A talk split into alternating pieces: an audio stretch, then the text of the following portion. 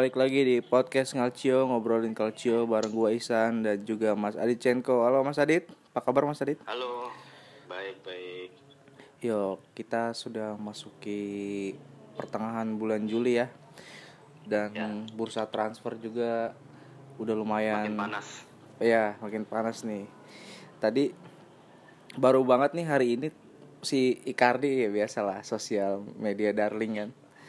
Dia ngepost apa gambar dia pakai baju merah hitam. Terus dengan apa? pakai logo merah hitam gitulah. Oh iya iya iya. Ya. Nah, ini cukup ada relasi ini Mas dengan tema malam ini Mas Ya gimana? tentang personal branding ya. Ya oke oke. Emang pemain bola ini zaman sekarang bukan cuman uh, atlet doang ya berarti ya, tapi dia juga sebagai uh, alat marketing sih sebenarnya. Iya. Itulah dan itu juga yang dimanfaatin mereka di untuk meningkatkan nilai jual ya. Ya dan uh, selain itu kalau ngomongin personal branding kan uh, menurut gue sih karir pemain bola itu pendek ya. Iya. kan paling sampai umur 30 sekian gitu udah udah selesai gitu dan mereka juga udah mikirin uh, mau mau ngapain lagi nih setelah pensiun gitu Mm.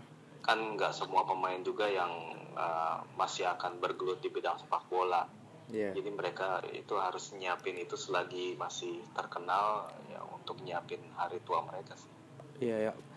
Sebenarnya kalau kita bahas personal branding ini yang kita nggak mungkin lepas dari satu sosok ya. Satu nama seorang David Beckham. Oh iya betul Karena ya Beckham ini ibaratnya sebagai pionir lah untuk masalah personal branding ini. iya Karena kayaknya apa pun yang dia lakukan itu bakal jadi berita gitu Iya. Karena dia ya dia mungkin sadar dia seorang pemain bola gitu kan. Tapi Mm, karena mungkin istrinya juga seorang entertain gitu ya.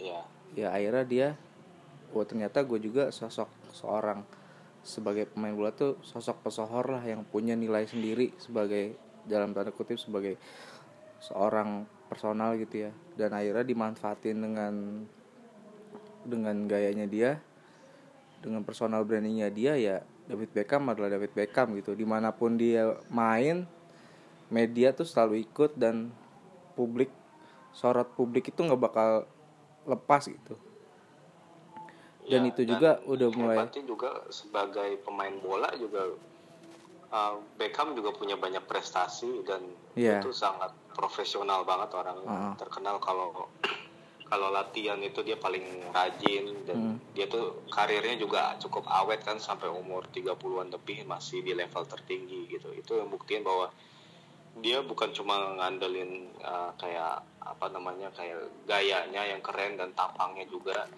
tapi juga emang dia seorang atlet yang bagus gitu. Nah iya. Apa? Kalau kita nyontoh dari Beckham gitu ya.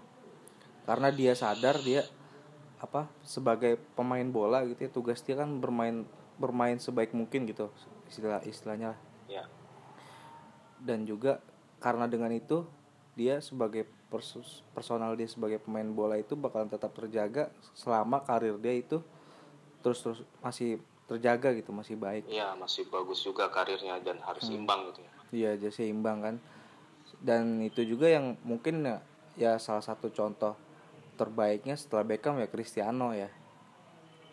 Iya betul Cristiano tentunya Hmm. juga selain Cristiano juga Messi Iya, Messi. Dan itulah kenapa mungkin mereka bisa menjaga level permainan mereka di usia yang sekarang udah 30-an gitu, Mas. Ya kalau menurut gue ya selain daripada kedisiplinan dan juga uh, apa namanya uh, kemampuan mereka untuk menjaga fisik ya itu lebih dari itu sih itu mental sih kalau gue bilang Hmm. masalah mental karena nggak gampang ya bagi seorang pemain yang biasa di level tertinggi dan juga biasa untuk menangin trofi Hmm. Untuk terus ngejaga eh, hasrat mereka terus habis itu juga ambisi mereka tetap di atas gitu ya bayangin aja waktu Barcelona waktu zamannya Pep bisa ngeraih berapa sih uh, berapa uh, sembilan atau atau berapa belas trofi malah ya Iya. waktu zamannya Pep itu tim-tim apa namanya anggota timnya Pep itu kayaknya nggak pernah kehilangan intensitas bermain gitu Hmm. mereka terus ambisi jadi jadi ya dan kebanyakan eh, lihat aja pemain-pemain yang alumninya timnya Pep itu karirnya awet sampai eh, sampai umur 30-an ke atas kan dan itu makanya ngebuktiin bahwa yang di atas dari segala macam eh, kedisiplinan itu juga ada mental yang emang udah bener-bener dipersiapin dari awal dan mereka emang udah eh, terbukti gitu secara konsisten. Nah, kalau misalnya itu kalau misalnya Ronaldo, Ronaldo dan Messi itu dan Beckham itu pengecualian lah ya karena mereka selain karena memang disiplin, disiplin gitu kan. Dan juga ya ajaib juga sih dengan skill mereka gitu ya. Tapi ada beberapa contoh juga Mas yang memang dia buat ngebangkitin personal brandingnya nih dia cukup rame lah dengan dengan medsosnya atau dengan dengan Ya, pendekatan sensasi- sponsor sensasi gitu dibikin. sensasi ya seperti contoh contohnya misalnya Neymar gitu kan Iya benar. Neymar itu kan dia cukup sebagai personal branding cukup ya karena dia dari mud dari masih junior itu udah banyak disorot gitu kan Iya betul. dan dibantu juga dia dengan era sekarang itu medsos banyak lah yang ngumpulin gitu. Dan kalau yang saya lihat mas ya fenomena seperti Neymar ini banyak nih diikutin sama pemain-pemain Brazil setelahnya nih. Mm-mm. makanya secara nilai jual nih dan tanda kutip pemain Brazil ini rada Tinggi. kurang masuk akal ya. Rada tinggi. Meskipun ya usianya masih level junior gitu ya. Itu menurut Mas Adit cukup berpengaruh gak sih Ya eh, selain daripada expose ya dan eh, kita kan juga udah kayak terbiasa gitu kalau nge- eh, ngedengar bahwa pemain muda dari Brazil itu kayaknya udah pasti bakal jadi bintang dunia gitu. ya Padahal belum tentu kan. ah Dan juga eh, ini juga menurut gua ada pengaruhnya sama yang persoalan yang kepemilikan pihak ketiga itu sih. oh iya itu kan kebanyakan pemain-pemain dari Brazil atau umumnya dari Amerika Selatan itu kan uh, kepemilikannya tuh masih dipegang antara klub dan juga satu perusahaan pihak ketiga. Hmm. Nah dengan adanya kepemilikan itu tentu gua rasa itu berpengaruh juga terhadap harga sih karena itu si pihak ketiga itu pengen uh, pemain-pemain yang di bawah naungan dia itu harganya setinggi mungkin gitu itu yang yang membuat gua rasa sih salah satunya uh, pemain-pemain dari Brazil itu harganya tinggi ya. Nah kalau kita misalnya sebagai klub itu nggak punya koneksi yang dekat dengan uh, pemain-pemain Brazil itu agak susah gitu untuk ngedapetinnya. Kayak misalnya Milan contohnya waktu ngedapetin Lucas Paqueta itu kan bener-bener ngandelin sosok Leonardo kan. Kalau tanpa Leonardo gue rasa agak susah tuh buat Milan ngedapetin Lucas Paqueta dengan harga 35 juta. Gitu sih. Nah itu kan apa si pihak ketiga itu nih mungkin ya kalau sekarang kan di era sekarang nih mas pemain bola itu kan punya beberapa orang di balik dia ya ya misalnya kayak manajer atau atau Punya. agen ya. ya agen atau yang satu yang sekarang mungkin udah banyak jadi pekerjaan khusus gitu ya di balik pemain bola itu tim medsos sendiri nih tim media ya ya. ya kan nah pastinya kan mereka udah punya strategi nih. Gimana caranya pemain gua gitu. Mungkin dia bekerjanya dengan agen atau dengan si pemain sendiri ya. Gimana caranya supaya ini pemain banyak yang peminatnya gitu ya. Mungkin dia bikin akunnya verified atau banyak posting video gitu kan. Dan ternyata banyak gitu yang saya lihat sekarang ya memang kayaknya sih pakai admin nih pemain ini pakai admin misalnya. Karena postingannya kan beda. Kayak misalnya Bonucci nih Bonucci salah satu contoh yang beda lah Chiellini gitu. Bahkan pemain seperti Kulibali juga kayaknya tuh sekarang udah punya tim medsos sendiri gitu. Sebelum pertandingan mereka ngepost. Ya biasanya ngepost Iya. uh, pose-pose yang apa namanya yang kelihatannya uh, wah banget dengan grafis yang juga oke dan juga Iya. caption Iya, caption, gitu. caption yang apa namanya menggugah gitu Heeh. ya itu ya emang ngebuktiin bahwa pemain bola juga udah levelnya kayak uh, selebritis sih kalau gue bilang ya mereka juga punya juru bicara atau punya Iya. tim medsos jadinya itu untuk mengatur supaya nggak terjadi apa namanya blunder blunder lah atau atau pernyataan pernyataan atau postingan postingan yang uh, dianggap nggak perlu gitu Mm-mm. ya beda sama mungkin pemain yang megang akun medsosnya sendiri ya Nah. contohnya Balotelli lah gitu Iya. dia kan paling sering tuh bikin kontroversi itu Nah, Gua di- rasa sih kalau orang kayak Balotelli tuh dia megang sendiri tuh akunnya tuh kali ya Nah, ini contoh sebenarnya contoh pemain Serie A gitu ya, berbeda dengan apa kalau yang saya perhatiin dari fenomena medsos main bola gitu ya. Pemain Inggris, Spanyol itu mas kayaknya memang mereka tuh ko- terkonsep gitu. ya Contohnya Griezmann lah, Ant- Antoine Griezmann gitu kan dia punya punya persona sendiri gitu ya. ya ya Makanya dia ketika dia punya prestasi dan dibanderol harga tinggi tuh seakan-akan itu adalah sebuah kewajaran gitu. Atau ya contoh nyatanya pemain Inggris lah, pemain Inggris, media Inggris dan juga mungkin apa industri sepak bola Inggris tuh memang udah seperti itu gitu. Ya, Ya. waktu itu kita sempat bahas ya pemain MU tuh di medsosnya lebih lebih gimana gitu kan dibanding dibanding performa mereka di lapangan gitu kan. iya iya benar Ya karena mungkin memang mereka itu punya udah kepikiran apa udah memang fokus di personal branding gitu meskipun meskipun ya dia secara nggak langsung harus dituntut ketika personal brandingnya itu mulai tinggi dituntut dengan kualitas permainannya gitu kan. Cuman kalau dijual ke klub Inggris lain pun ya mungkin masih harganya tinggi gitu. Berbeda dengan pemain Serie A nih pemain Serie A nih banyak saya perhatiin tuh yang masih nyeleneh-nyeleneh gitu kayak kayak Mertens. Iya iya benar. Terus Mertens. Martin Derun Martin Derun Atlanta itu dia juga postingan-postingannya lucu-lucu kan konyol-konyol ya. Itu iya. ngebuktiin nih kayaknya nih so kalau misalnya kualitas Derun gitu atau Mertens gitu ya di Premier League itu pasti kan harga jualnya kan udah pasti tinggi ya Hmm, iya, dengan kualitas mereka gitu. Tapi ya mungkin karena personal brandingnya itu kayak gitu nyeleneh gitu kan. Ya atau contoh yang paling kelihatannya ya ini di, di apa terlepas dari kontroversinya dengan istrinya gitu ya Icardi yang tadi kita awal sempat singgung di medsos dia gitu ya dia nampilin apa foto-foto yang kurang inilah yang vulgar kadang Iya, dan juga dia sering matiin komen gitu kayak nggak terima kritik dari followersnya kayak gitu gitulah.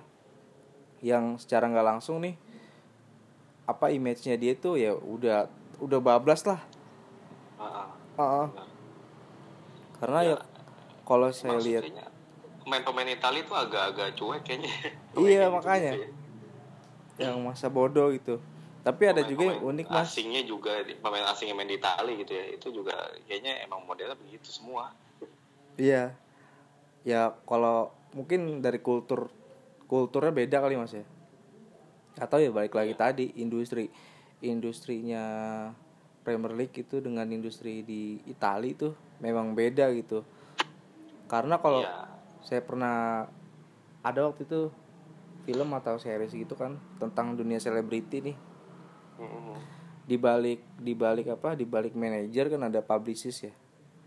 Iya, ya publish. Nah. Penerbit atau ya yang punya inilah ya yang punya uh, apa namanya uh, kayak media lah atau atau yang punya akses untuk ke TV lah gitu. Iya, kayak gitu. Dan juga dia tuh kadang tuh dia lebih mengatur apa namanya sosok-sosok talent atau ya pemain bola dari yang kita omongin ini pemain bola itu di luar lapangannya nih lu tolong dong jangan gini. Kayak waktu Arsenal misalnya contohnya Arsenal waktu itu Wilshere yang ketahuan ngerokok gitu ya. Ya, tahun rokok.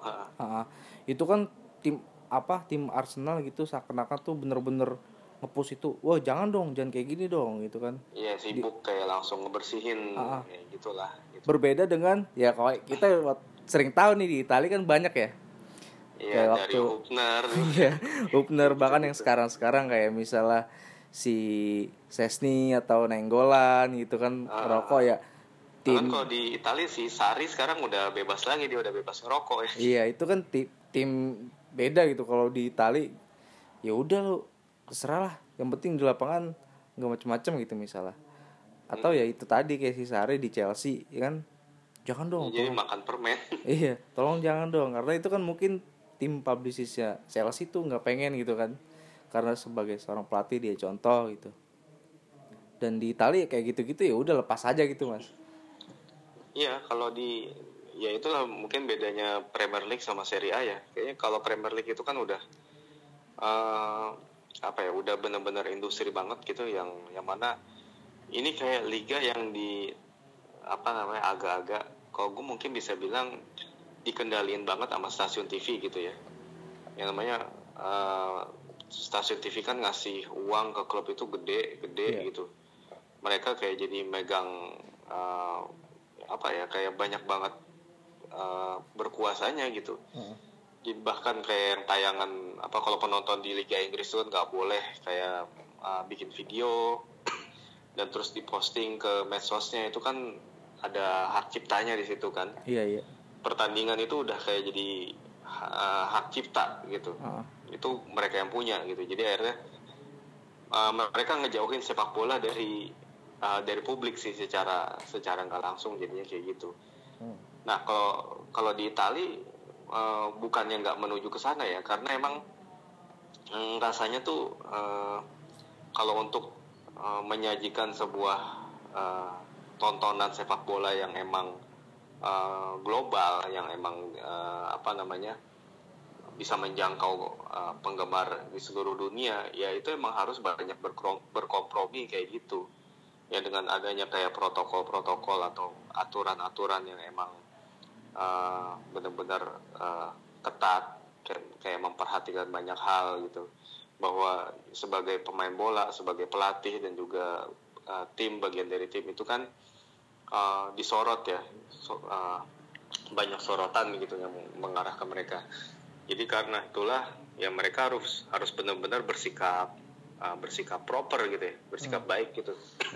Jadi emang apa namanya kayak ruang-ruang untuk uh, berekspresi yang terlalu berlebihan itu kayak agak-agak dikurangin gitu itu yang bikin uh, sepak bola itu udah kayak ya di satu sisi emang itu sebagai suatu pertunjukan tapi di lain sisi juga udah kehilangan faktor manusianya sendiri sih kalau gue bilang Hmm. ada faktor itu juga Iya benar. Berarti kan ya balik lagi tadi banyak pemain Serie A yang kadang malah saya lihat nih pemain Serie A tuh lebih sering ngepost videonya sendiri gitu kan. Di, Iya, med- iya. di medsosnya gitu kan. Kayak kemarin kan. kadang-kadang juga jadi kebablasan sih Iya. Ya mungkin aturan kayak gitu tuh di Premier League gitu ya, yang punya aturan hak cip- hak cipta lebih ketat tuh bakalan di ya mungkin ada ada sanksinya atau gimana tapi kalau kita lihat misalnya kemarin kayak Kaisedo gitu ngepost video golnya dia pas lawan Sampdoria. Iya, iya benar. Saya sih ada sempat tuh. Ah, ah, terus banyak lah yang pemain Napo Empoli ya. Pemain Empoli yang kemarin siapa ya? Ya pokoknya emang di Italia tuh kayaknya emang nggak masih belum seketat Inggris sih. Mereka belum apa ya belum bisa. Kalau kita bicara sebagai mereka sebagai uh, sebagai perusahaan ya atau sebagai uh, entitas bisnis ya mereka emang belum maksimal banget sih ngegali potensi untuk supaya penerimaannya lebih tinggi gitu. Hmm. dari hal-hal kayak gitu. Sementara klub-klub Premier League kan kita tahu oh itu udah bener-bener su- eh, ini banget udah profesional banget dan udah nggak bisa uh, makan. Bahkan nih mereka nih udah eh, bener-bener menerapkan apa yang jadi slogannya Inter sekarang. Not for everyone gitu. Ya, kayak gitu kan. Nah ya Ya. kalau kalau misalnya branding sebagai klub ya itu kita sekarang lihat bukan cuma Juve lah yang punya itu Inter punya itu kan. Iya. Roma punya cara-cara campaignnya sendiri Milan punya. Ya Iya, itu kan emang campaign kayak gitu kan emang. Menurut gue itu untuk kayak apa ya namanya juga ya selain dari gimmick juga. Ya ya itu kan juga ya itu tadi balik lagi branding. Emang kayak pengen negesin nah ini klub ini tuh ini ciri khasnya. Ya itu sih dan balik lagi itu ngaruh sih ya nggak nggak cuma di bola aja kan kalau kita ngelihat atau kita mau membeli sebuah produk apa makanan minuman itu kan kita bakalan terngiang tuh sama per- sama apa namanya slogan-slogan Jargon. yang mereka bikin Mm. itu ya beginilah juga yang sekarang terjadi di bola sih ya itu emang udah dan sekarang tuh udah makin makin masif aja kalau gue bilang sih Iya. Tapi ya salah satu yang paling ini sih Barry Balotelli cukup sukses sih mas kalau masalah jargon itu yang Oh, why iya. always me-nya. ya dari mulai yang apa uh, why always me ya benar kan sampai ya banyak lah yang udah dia yang dia bikin pose-pose yang apa yang selebrasi golnya dia Iya iya. Itu udah ya, dia udah bikin kayak branding sendiri gitu Nah itu tapi karena dia ya mungkin karena dia dari diri dia sendiri gitu seakan-akan kebablasan gitu. iya Mm. Dan kalau yang saya lihat personal branding ini bukan cuman udah bukan pemain yang sekarang lagi main aja nih kayak saya lihat banyak legend-legend juga yang udah mulai lebih memperhatikan media sosial lah gitu. Iya mungkin udah kehabisan duit kali. Ini Ya karena kan ya ti- orang yang punya apa pri, apa ya namanya kalau kayak gitu perhitungan seperti Beckham gitu ya mungkin kan Ya, nggak banyak nggak gitu semuanya. nggak semuanya kan. Bahkan seorang super Iya. superstar lah katakanlah seperti Ronaldinho atau Ronaldo gitu ya. Iya Ronaldinho bangkrut kan katanya. Nah ah, seperti Ronaldo gitu kan. Atau ya pemain Brazil lah Mm-mm. kecuali kakak mungkin ya. Yang yang punya yang punya apa pemikiran lebih ke depan gitu. Karena karir dia sebenarnya ya cuma sampai nggak mikir karir dia tuh cuma sampai usia 30-an itu misalnya. Dan ke depannya tuh kalau gue masih main di masih pengen di sepak bola misalnya seenggaknya kan dia punya pola polanya pola hidupnya tuh ya harusnya tetap dijaga sama kayak waktu dia main gitu nggak langsung party-party Terus- iya iya posturnya juga nggak jadi gimana gitu udah udah nggak Iya, kayak nggak jadi pemain melar. bola lagi ya kan ya iya ayo. makanya waktu David Beckham apa ya, yang ada pertandingan hmm, eh, legendnya MU tuh Iya. itu kan kayaknya dia dia yang badannya masih jadi gitu Mm-mm. yang benar-benar dijaga banget ya kalau pemain Brazil itu kan emang ya kulturnya kultur party ya Iya. itu menurut gue ya eh, mereka akan kebawa terus tuh. Dari mulai mereka bermain sampai sekarang udah pensiun itu kebiasaannya nggak berubah. Padahal dari sisi pendapatan ya udah udah jauh turun jauh. Iya itu dia kan. Itulah yang nggak nggak mereka nggak dihitung Mm-mm. bahkan Brazil kan punya punya legend sendiri kan yang yang benar-benar ngasih contoh kayak gitu si Garinca oh iya kan itu kan mantan pemain Fiorentina juga tuh. Oh, ya, Garinca itu kan uh, bahkan ada beberapa yang bilang bahwa dia lebih jago dari Pele. Iya. Tapi ternyata pas uh, dia pensiun terus dia uh, banyak mengidap penyakit terus uh, uh, apa namanya istrinya di mana-mana anaknya di mana-mana. Terus tapi akhirnya dia meninggal dalam keadaan miskin Mm. gitu. Dan itu udah contoh banget sih. Itu dan emang pemain-pemain Brazil emang contoh paling paling pas gitu untuk untuk gaya hidup yang kayak gitu. Heeh. ya mungkin kalau di kalau di Itali pun ada yang kayak gitu ada yang ada yang memang mikirin juga ya mas ya. Kayak misalnya Pirlo gitu kan. Pirlo sebagai ya, dia punya personal branding sendiri gitu sebagai orang yang kelihatannya ya dia kalem. punya anggur kan ya? Iya kalem santai terus dia punya usaha anggur. Itu menurut saya sih cukup cukup nyambung ya dengan pembawaannya dia yang slow-slow gitu dia dia bisnis minuman Ya, gitu kan. betul. Itu masih itulah masih nyambung gitu. Dan kalau pemain-pemain Itali kalau kalau pensiun rata-rata tuh nggak jauh dari bola juga sih. Iya. Jadi antara jadi pelatih kalau atau mas komentator. Oh, oh. gitu. Jadi pundit ya. Tapi ada beberapa juga yang yang memang ya udah apa ya kayak udah lost control aja tapi tetap sih masih masih di sekitaran sepak bola gitu meskipun jarang-jarang kayak Bobo Fieri Iya, Fieri. Iya. ya dia cuma dia tuh dia foto pas lagi liburan atau gimana gitu. Iya kan ev- event bolanya dia tuh cuman di musim panas doang nih. Bobo Summer Cup nih. Oh iya benar. Ah, yang main bola di pasir-pasir Di itu. ya? Ah, Hmm. cuman itu doang tuh. Sisanya ya udah tuh. Kebanyakan kalau saya lihat dari postingan Instagramnya kebanyakan party. Kadang-kadang dia nge-DJ juga tuh, DJ Bobo. Kayak Iya, gitu-gitu. Makanya udah udah kayak apa? Kayak bapak-bapak yang udah bebas ngapa-ngapain aja lah. Iya, makanya ya aduh. Kayak waktu itu dia yang posting pacar atau istrinya yang hamil kan sama Nggak perutnya tahu deh, nggak sama, jelas itu. sama perutnya dia gedean perutnya dia Iya, iya. Itu maksudnya ya, Fieri mah emang eh, kayak gitu lah bebas banget. iya termasuk juga Pagliuca Hmm. coba bedanya Pag Pagliuca kalau nggak salah oh, dia anaknya salah satu anaknya ya ada yang masuk itu tim junior Bolonya deh Oh, anaknya udah ini ya, udah jadi pemain bola juga ya? mm tiba U17 apa berapa gitu Oh iya iya. yang Bolonya Makin banyak aja nih di nih, anak-anak main bola. Iya. Tapi ya kalau misalnya mereka memikirkan personal branding mereka gitu ya. Ya pastinya kan secara ya mungkin dengan kayak gitu dia tetap ada pemasukan ya tapi gimana ya? Iya. Pengeluarannya juga pasti lebih besar kan dengan gaya-gaya hidup kayak gitu. Ya pasti. Emang itu eh, kalau gaya hidup tuh kadang-kadang tuh udah yang paling susah diatasi sih bilang.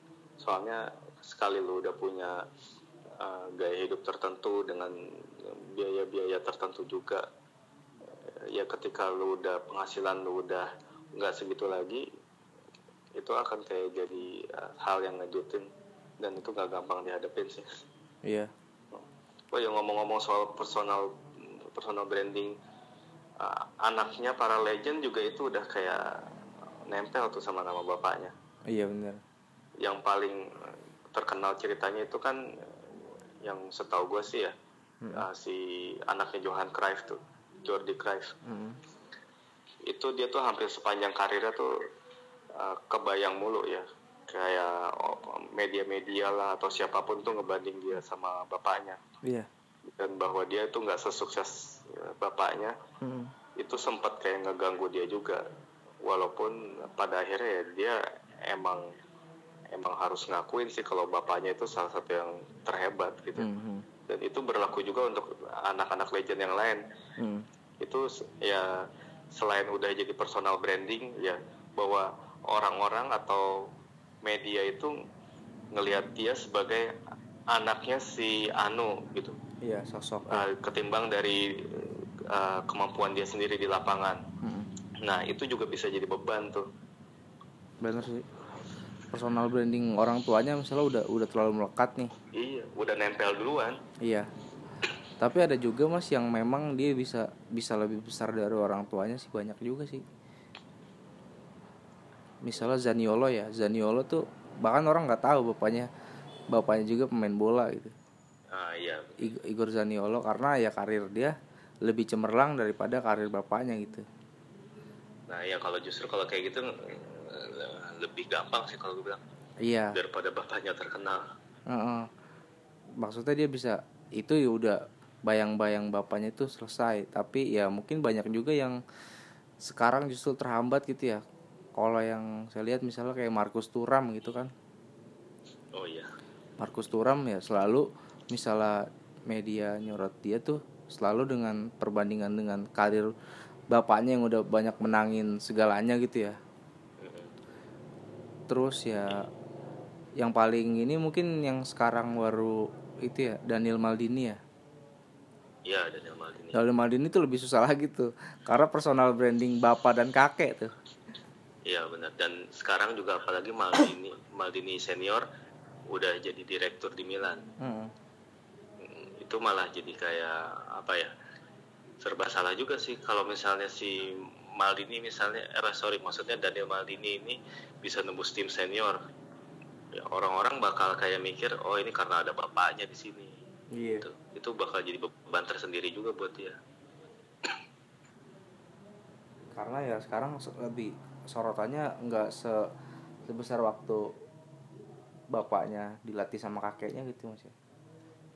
Iya. Iya zaman dulu kan belum ada apa maksudnya belum ada exposure media yang kayak sekarang dan kalau saya lihat juga ada yang memang karena karena dia nggak bisa nyamain apa pencapaian bapaknya gitu akhirnya dia mundur ada. Contohnya seperti anak Ancelotti mas. Oh siapa Davide ya? Iya dia kan akhirnya ya udahlah gue mendingan jadi asisten gitu kan. Nah, iya Kalau nggak salah dia Jadi- sebelumnya jadi pemain, pelatih ya?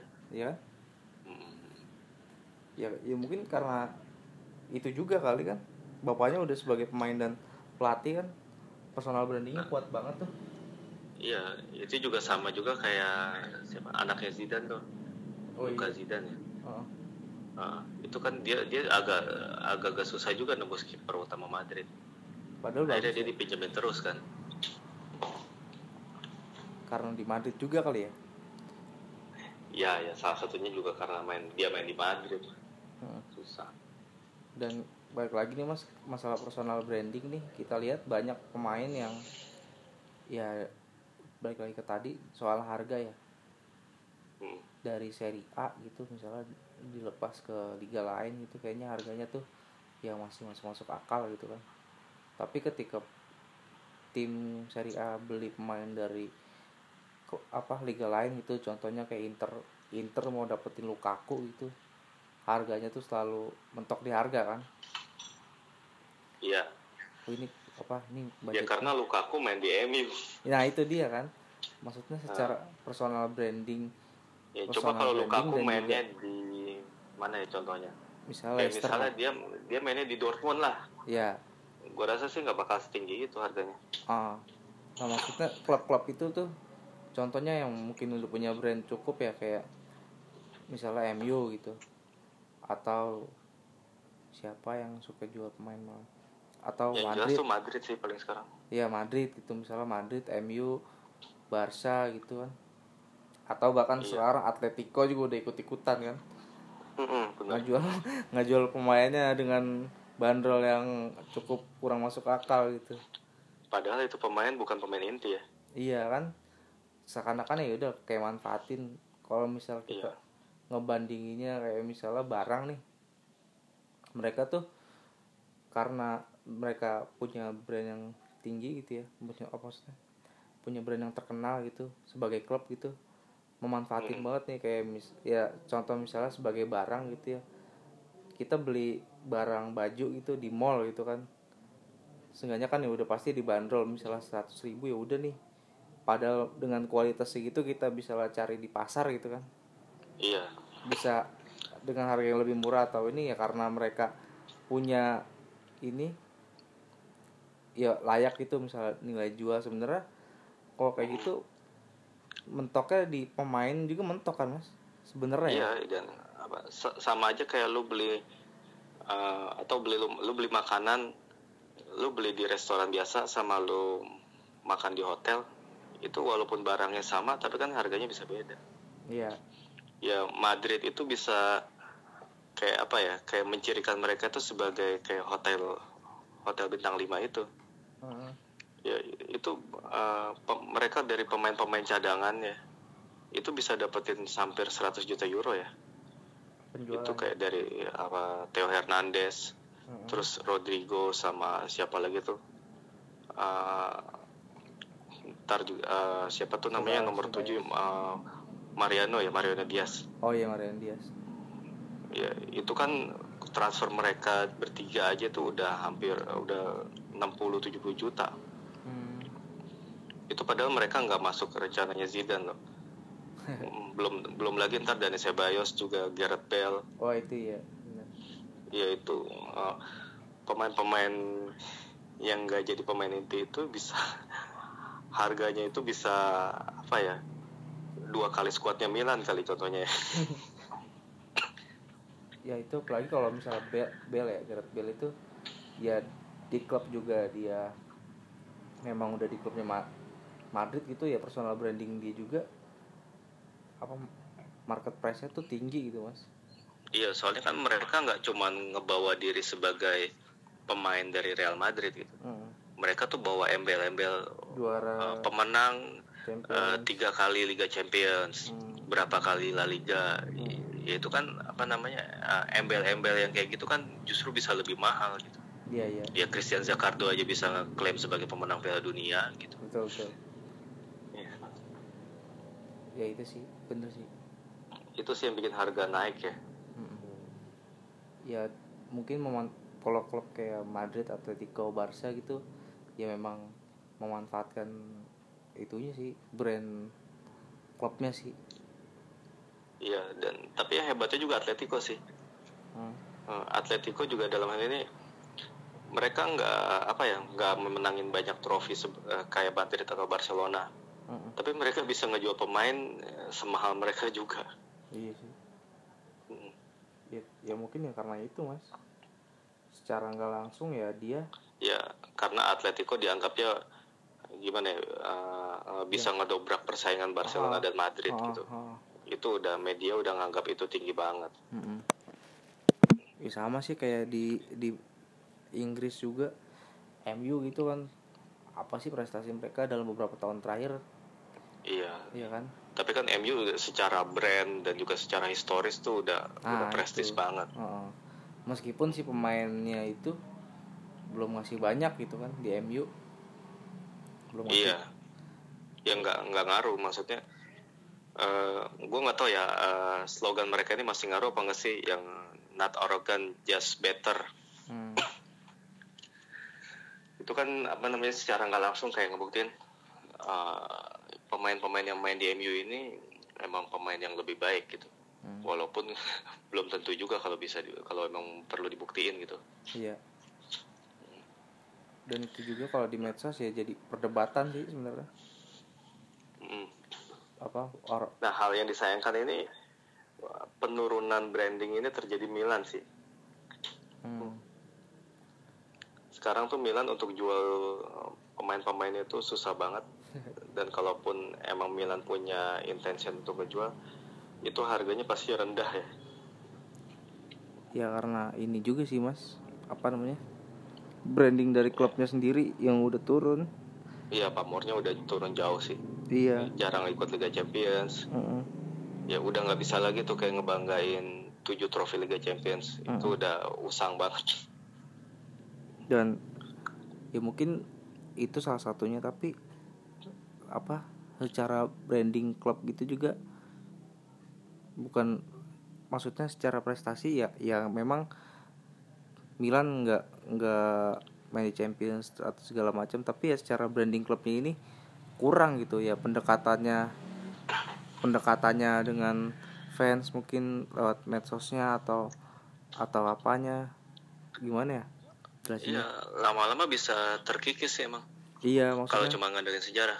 Heeh. karena kalau kita lihat realitanya aja ya eh, yang ikut nobar eh, Milan main gitu Hmm. itu pasti jauh lebih menurun daripada 10 tahun lalu. Ya nah karena emang eh, supporter itu pasti akan lebih bersemangat untuk mendukung ketika timnya itu lebih berprestasi. Mm-mm. itu kita nggak bisa ngarepin supporter itu akan loyal kalau klub itu prestasinya biasa-biasa aja Mm-mm. itu apalagi kalau supporter jarak jauh ya kalau supporter yang udah levelnya ultra sih ya wajar mereka Mm-mm. gitu ya tapi kalau untuk eh, supporter jarak jauh gua rasa sih pihak klub juga harus maintain dengan cara dengan eh, ningkatin eh, prestasi Mm-mm. Dan ya itu lagi mas mak- maksudnya targetnya itu selalu tinggi gitu kan cara nggak langsung tiap ya tahun benar tiap tahun itu target yang tinggi itu karena didorong ekspektasi yang tinggi Iya. Dan realitanya gitu misalnya ketika manajemennya kurang baik atau keuangannya kurang baik itu kan secara nggak langsung nilai ekspektasinya tuh harusnya Nah. diturunin lah. Nah sayangnya itu nggak sejalan Nah iya itu. Mas. kebanyakan tuh uh, walaupun secara finansial lagi turun prestasi lagi turun tapi yang namanya ekspektasi tuh nggak pernah turun tuh hmm. itu juga ya kayak kemarin contohnya yang ah, nggak usah Milan lagi deh Inter contohnya ya kemarin pas abis uh, kalah ya lawan MU mm itu kayaknya banyak banget tuh di timeline yang udah pada kesel hmm. Ya padahal kan ini baru pertandingan Pre-season. pembukaan udah gitu pramusim juga. Hmm. ya kenapa musim marah-marah gitu. Tapi ya itulah yang namanya ekspektasi gue bilang. Ya ya karena sebenarnya tarik ulur apa preseason ini terus ya mereka sebenarnya kan ekspektasi yang paling dekat gitu ya buat Interisti gitu kan pengen dapat striker nih. Iya. Karena striker andalan mereka ya udah di, di- udah dinyatakan di luar dari proyeknya. rencana. Ah udah di luar dari rencana Conte nih. Dan dia mereka dap- belum dapat striker inti gitu ya. dan juga kayak kecepatan aja itu ngelepas Pinamonti. Iya itu juga sayangkan banget. Tuh Mm-mm. mau nggak mau mereka harus uh, masang striker spesialis preseason mereka. Iya. Samuel Longo ya itu kayaknya striker spesialis pramusim di hampir di setiap uh, setiap pramusim tuh ada. Tapi habis itu pas udah liga mulai pinjemin. dia nggak tahu main di mana tuh.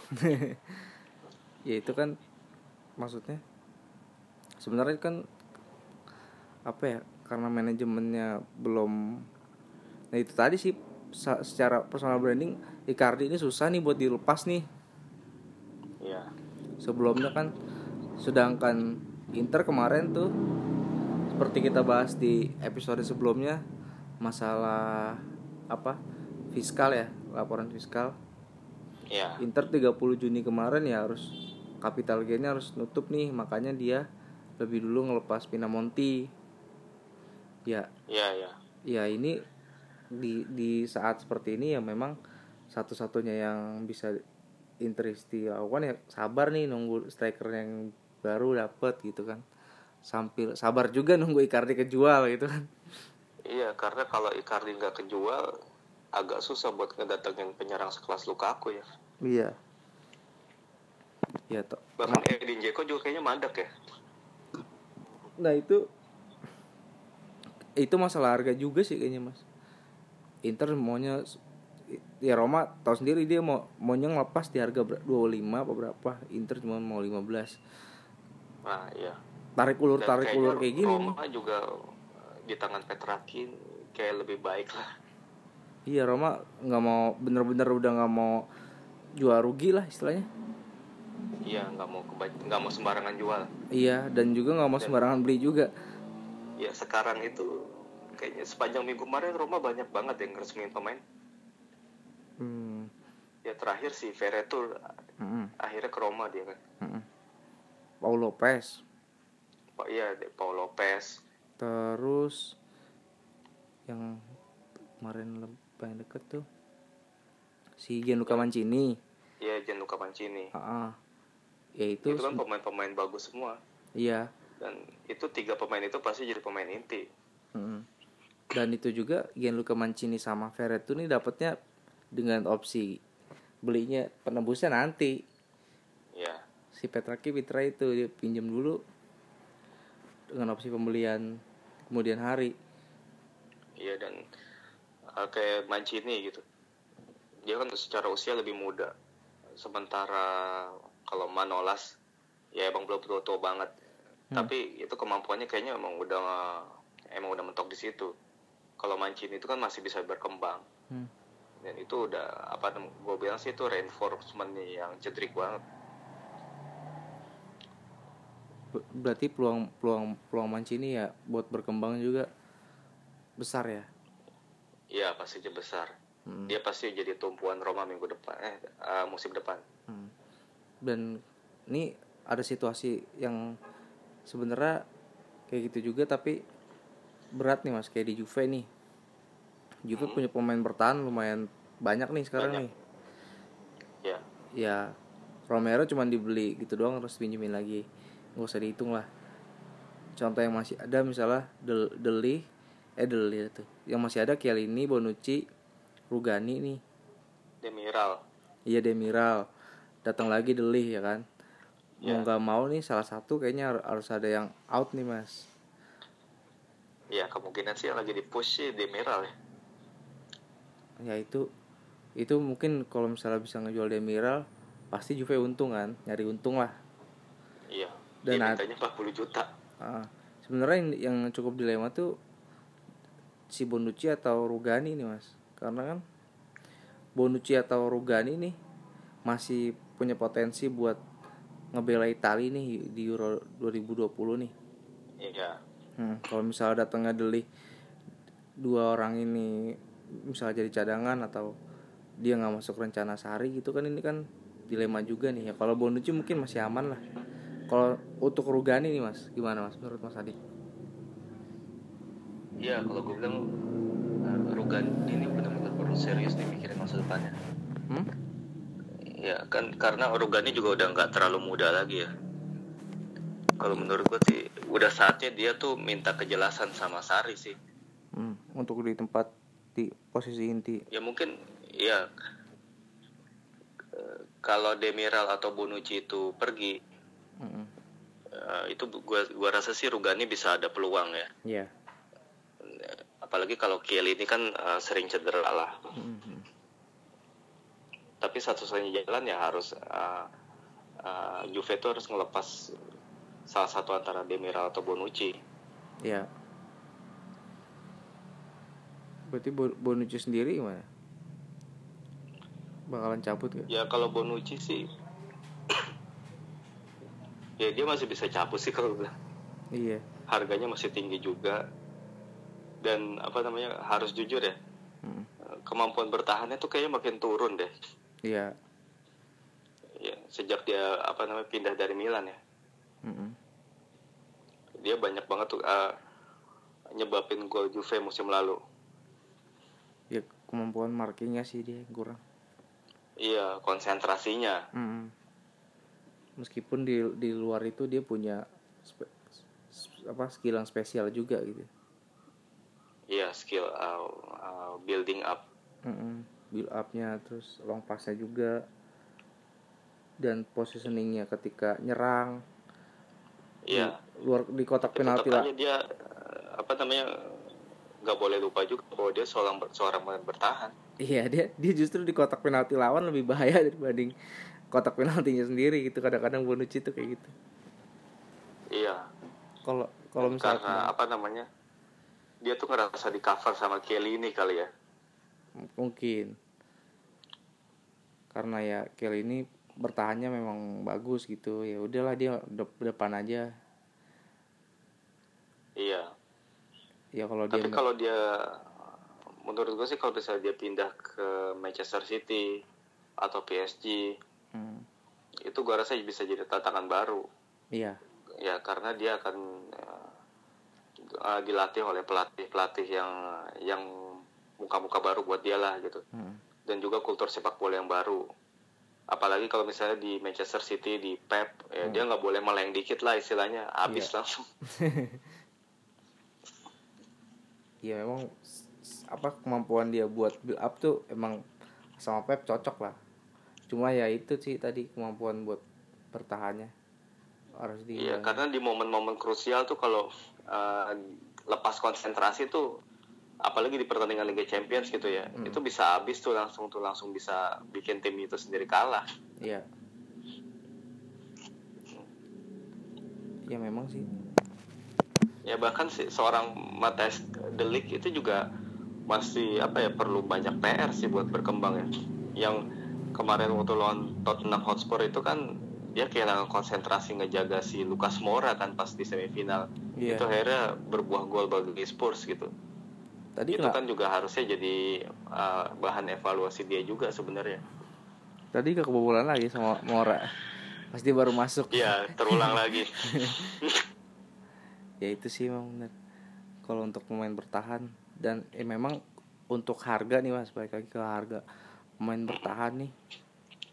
Kayaknya memang bandrolnya tuh buat nyari yang murah udah susah ya. Iya, karena sepak bola tuh udah udah beda zaman sekarang sih karena pemain belakang itu udah ada tuntutan untuk bisa ngebangun serangan gitu. Itu kan udah banyak yang ngomong kayak gitu ya.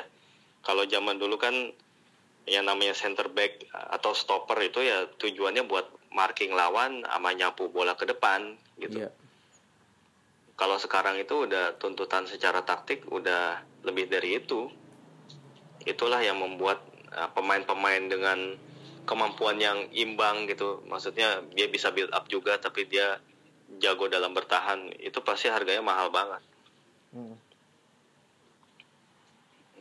Itu makanya si si jadi kayak primadona aja nih di pusat transfer ini karena selain usianya muda gitu ya yang harganya harganya tinggi tapi dia pu- punya udah punya jam terbang dan kemampuan memimpin yang di luar dari usianya gitu maksudnya Iya, Ya. jadi kapten Ajax di usia 19 tahun gitu. Ha-ha. ya mungkin ya secara dan secara personal branding juga dia cukup oke Iya, apalagi benar. apalagi punya agen yang memang pintar sekali. Iya. Iya uh, The Ligt itu juga menurut gua uh, bener-bener apa namanya uh, berkarisma sih. Kalau gue lihat yang waktu perayaan gelarnya Ajax itu yang dia uh, speech Iya. itu kan berapi-api banget ya. Itu kelihatan banget kalau ini emang dia punya kepemimpinan banget gitu. Soalnya uh, apa namanya ya ada beberapa tipe pemain lah gitu walaupun skillnya dia tuh bagus banget Hmm. tapi dia tuh nggak bisa ngebawa uh, timnya itu untuk bisa apa ya terangkat bareng dia gitu. Iya. Ya kayak contohnya Messi mungkin ya kalau bi- berbicara yang agak ekstrim ya. Messi itu kan bukan tipe pemain yang bisa ngebangkitin semangat timnya kalau gue perhatiin sih ya. Bukan motivator lah. Iya. Motivator. Dia tuh Messi tuh bener-bener kayak cuman ngasih contoh dalam bentuk uh, permainannya dia tapi dia tuh nggak bisa ngebangkitin dengan dengan cara uh, kata-kata gitu. Iya dia dia nggak atau beda beda dengan Puyol atau Safi iya atau kalau waktu di timnas Argentina pas di Piala Dunia 2014 itu kan ada Mascherano yang perannya untuk kayak ngebangkitin timnya. Mhm. sementara Messi itu kayak orang-orang tuh udah kayak ngelihat dia sebagai pemain pemain hebat aja gitu. Hmm. tapi kalau untuk sebagai leader yang untuk bisa ngangkat timnya gua rasa sih Messi itu punya karakteristik yang beda ya. Iya. kayak gitu. Ya dia sesekali sih be- beberapa momen dia memang ngomong gitu sama teman-temannya gitu bisa lah tapi ketika momen itu misalnya down atau ketinggalan ekspresinya dia itu nggak nunjukin ayo kita bangkit gitu loh iya. Berbeda dengan Ronaldo yang waktu dia udah cedera tuh.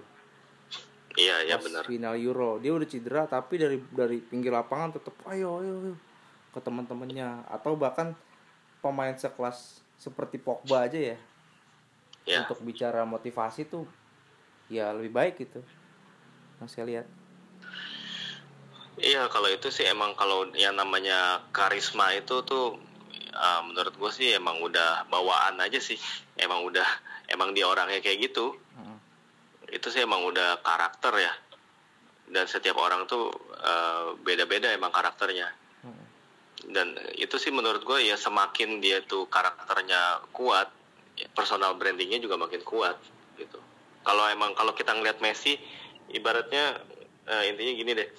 Eh, Messi itu mungkin nggak banyak ngomong atau nggak banyak eh, nggak nunjukin karisma gitu ya Hmm. tapi orang cukup ngelihat skill dia main Iya. itu udah langsung respect sama dia gitu Heeh. kalau pemain-pemain yang selain Messi ya dia butuh lebih dari skill Ya. kalau menurut gue gitu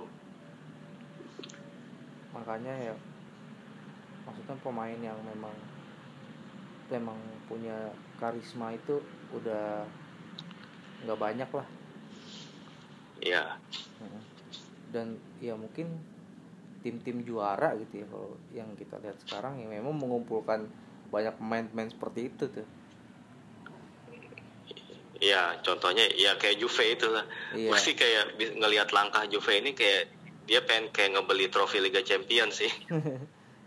Nah, walaupun itu tentunya nggak gampang juga.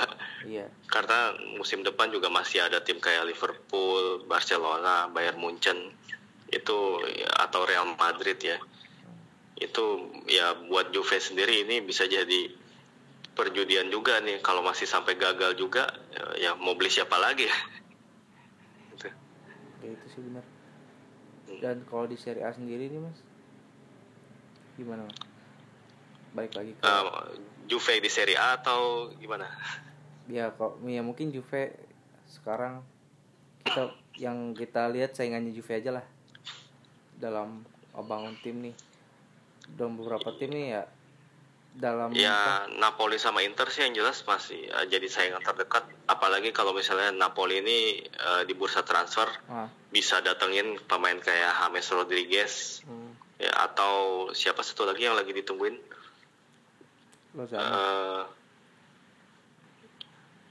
sama itu Icardi juga dia ngincer oh iya Icardi bener ya kalau misalnya Napoli bisa ngedatengin dua orang itu gue rasa Napoli jadi pesaing paling serius kalau gue bilang hmm. karena uh, Ancelotti kan udah udah semusim lah kemarin di Napoli gitu udah banyak belajar dia sementara Inter walaupun dilatih sosok uh, sekeras Antonio Conte itu selama selama si Conte itu belum dapetin pemain yang dia mau gitu ya Berat. itu performa Inter tuh masih agak susah untuk menanjak sih gue bilang makanya Inter tuh harus buru-buru tuh nurutin kemauannya Conte Nah, tapi gua rasa sih tetap uh, terlepas dari itu Inter tetap jadi kandidat kuat juga buat uh, nyaingin Juve. Walau, walaupun baru sekedar nyaingin sih gue bilang. Kalau untuk melampaui ya itu masih belum lah. Gua rasa tetaplah masih Juve yang terdepan.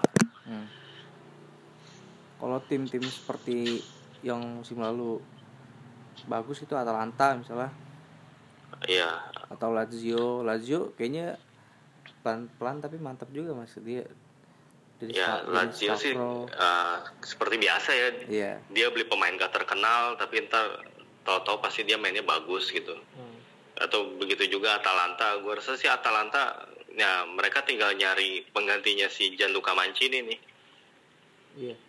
Tapi ya mek kalau kalau misalnya kita ngomongin Gasper ini gitu ya memang si Mancini sendiri bukan sosok vital sih. Meskipun dia permainannya bagus gitu ya karena beberapa kali dia juga dirotasi sih. Iya.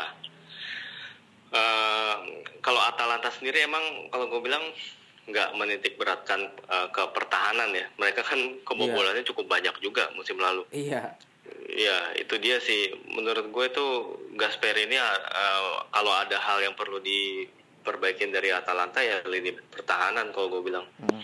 Mereka kipernya siapa sih sekarang ya? Golini. Kan si Berisha tuh udah jual ya. Gol ini. Jadi gol ini kipernya. Iya.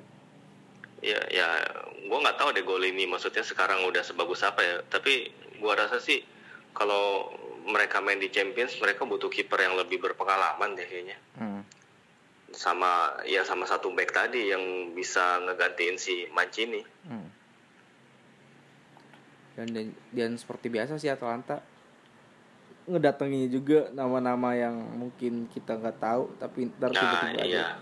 mirip-mirip kayak Lazio juga mereka tuh iya ya memang kemampuan itunya apa namanya scoutingnya emang luar biasa sih Atalanta mm. dan pemain Primavera aja juga bagus-bagus iya benar tapi ada ada beberapa pemain Primavera yang di dipinjemin ke Parma sih Parma juga nyari-nyari pinjamannya yang bagus-bagus nih kayaknya nih. Iya, mereka baru dapat si siapa? Karamo ya. Karamo. Dia dapat dua dari Atalanta. Si... Oh iya, Cornelius ya salah satunya. Iya sama Kulusevski, Kulusevski itu bagus tuh. Iya, iya. Ya kalau Parma sih kayaknya emang menurut gue emang masuk akal kalau mereka ngandelin pemain-pemain yang uh, skema pinjaman sih. Hmm karena mereka secara resource juga masih kurang banget memang satu-satunya jalan ya buat itu itu pun juga mereka musim lalu tuh hampir degradasi kan yeah. nah, makanya musim ini tuh benar-benar perlu nyiapin tim lebih baik lagi sih hmm. dan Fiorentina gimana mas? Uh, Fiorentina menurut gue uh, mereka justru harusnya lebih lebih rileks ya dengan pemilik baru.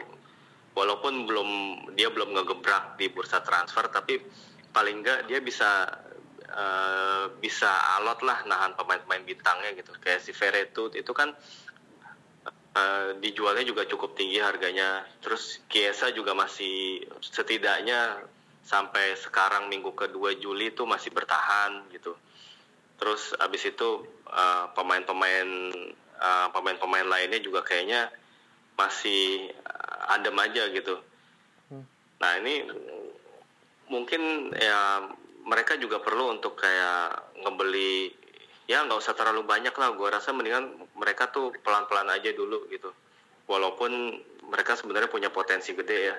Hmm. tapi ya harusnya sih mereka ya namanya juga uh, pemilik baru ya. Itu mendingan nggak nggak usah kayak itu nggak usah buru-buru. Emang kalau emang misalnya mau ngegebrak bursa transfer ya gebrak sekalian. Tapi kalau emang enggak ya ya santai aja. Kayak anggap aja kayak musim lalu itu emang karena tim itu terlalu banyak masalah ya hmm. secara internal. Ya pelan-pelan beresin masalah internal dulu. Baru habis itu kayak mikirin untuk balik lagi ke Eropa gitu. Karena menurutku peran apa peluang Fiorentina kalau untuk balik lagi ke Eropa cukup gede juga ya. Karena dua pesaing mereka yang juga terbiasa untuk kayak ngejutin tim-tim papan atas yaitu Torino dan Sampdoria uh, itu dari sisi struktur manajemen juga mereka banyak berubah. Itu agak-agak jadi tantangan.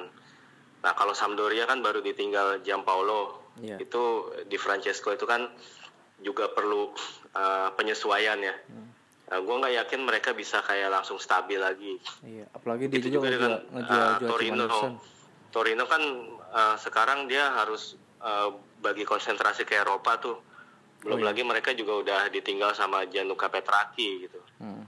itu gua rasa sih ya Torino juga patut waspada juga musim depan belum tentu prestasi mereka sebaik sekarang nah dari sinilah gua rasa sih Fiorentina tuh bisa kayak ngambil celah lah di antara dua tim itu gitu dia tujuh besar lah ya Ya, minimal, setidaknya minimal. gitulah. Jangan kayak kemarin aja, paling nggak hmm. paling nggak tujuh delapan tuh udah oke. Okay. Iya. Yeah dan ya kalau misalnya kita lihat Fiorentina musim lalu pun kalau dia stabil sebenarnya bisa itu ya ya cuma kan emang ya itu tadi karena karena ada masalah inter, internal dan juga masalah dengan pelatih. Ya itu kayak pelan-pelan tuh kayak kebuka semua dan akhirnya malah jadi bikin kacau gitu. Oke deh Mas Adit. Ah oke okay, oke. okay ada lagi gak yang mau di ini? Ya paling masih apa namanya mantauin bursa transfer aja nih sama ya nonton pramusim juga kayaknya gue nggak serius-serius banget deh kayak cuman ya lihat sesekali doang iya ya paling ya gue rasa sih minggu minggu ketiga minggu keempat Juli ini bursa transfer bakalan makin Panas. Uh, makin seru nih oh. paling itu aja yang perlu tunggu ya hmm. dan ada mungkin ya kejutannya di akhir-akhir nih kayaknya. Iya, terutama di akhir kan sampai September sih. Iya, dua tanggal dua. Si iya. Tapi ya itu tadi karena kan sekarang nih saling tikung nikung nih masalah transfer nih. Kalau kelamaan juga ya bisa nyesel juga gitu. Iya dan juga jangan-jangan ntar kalau udah di ujung-ujung dapatnya yang sisa doang. iya. Oke deh Mas Adit. Terima kasih banyak Mas Adit. Iya, yeah, thank you, San. Yo. Yo.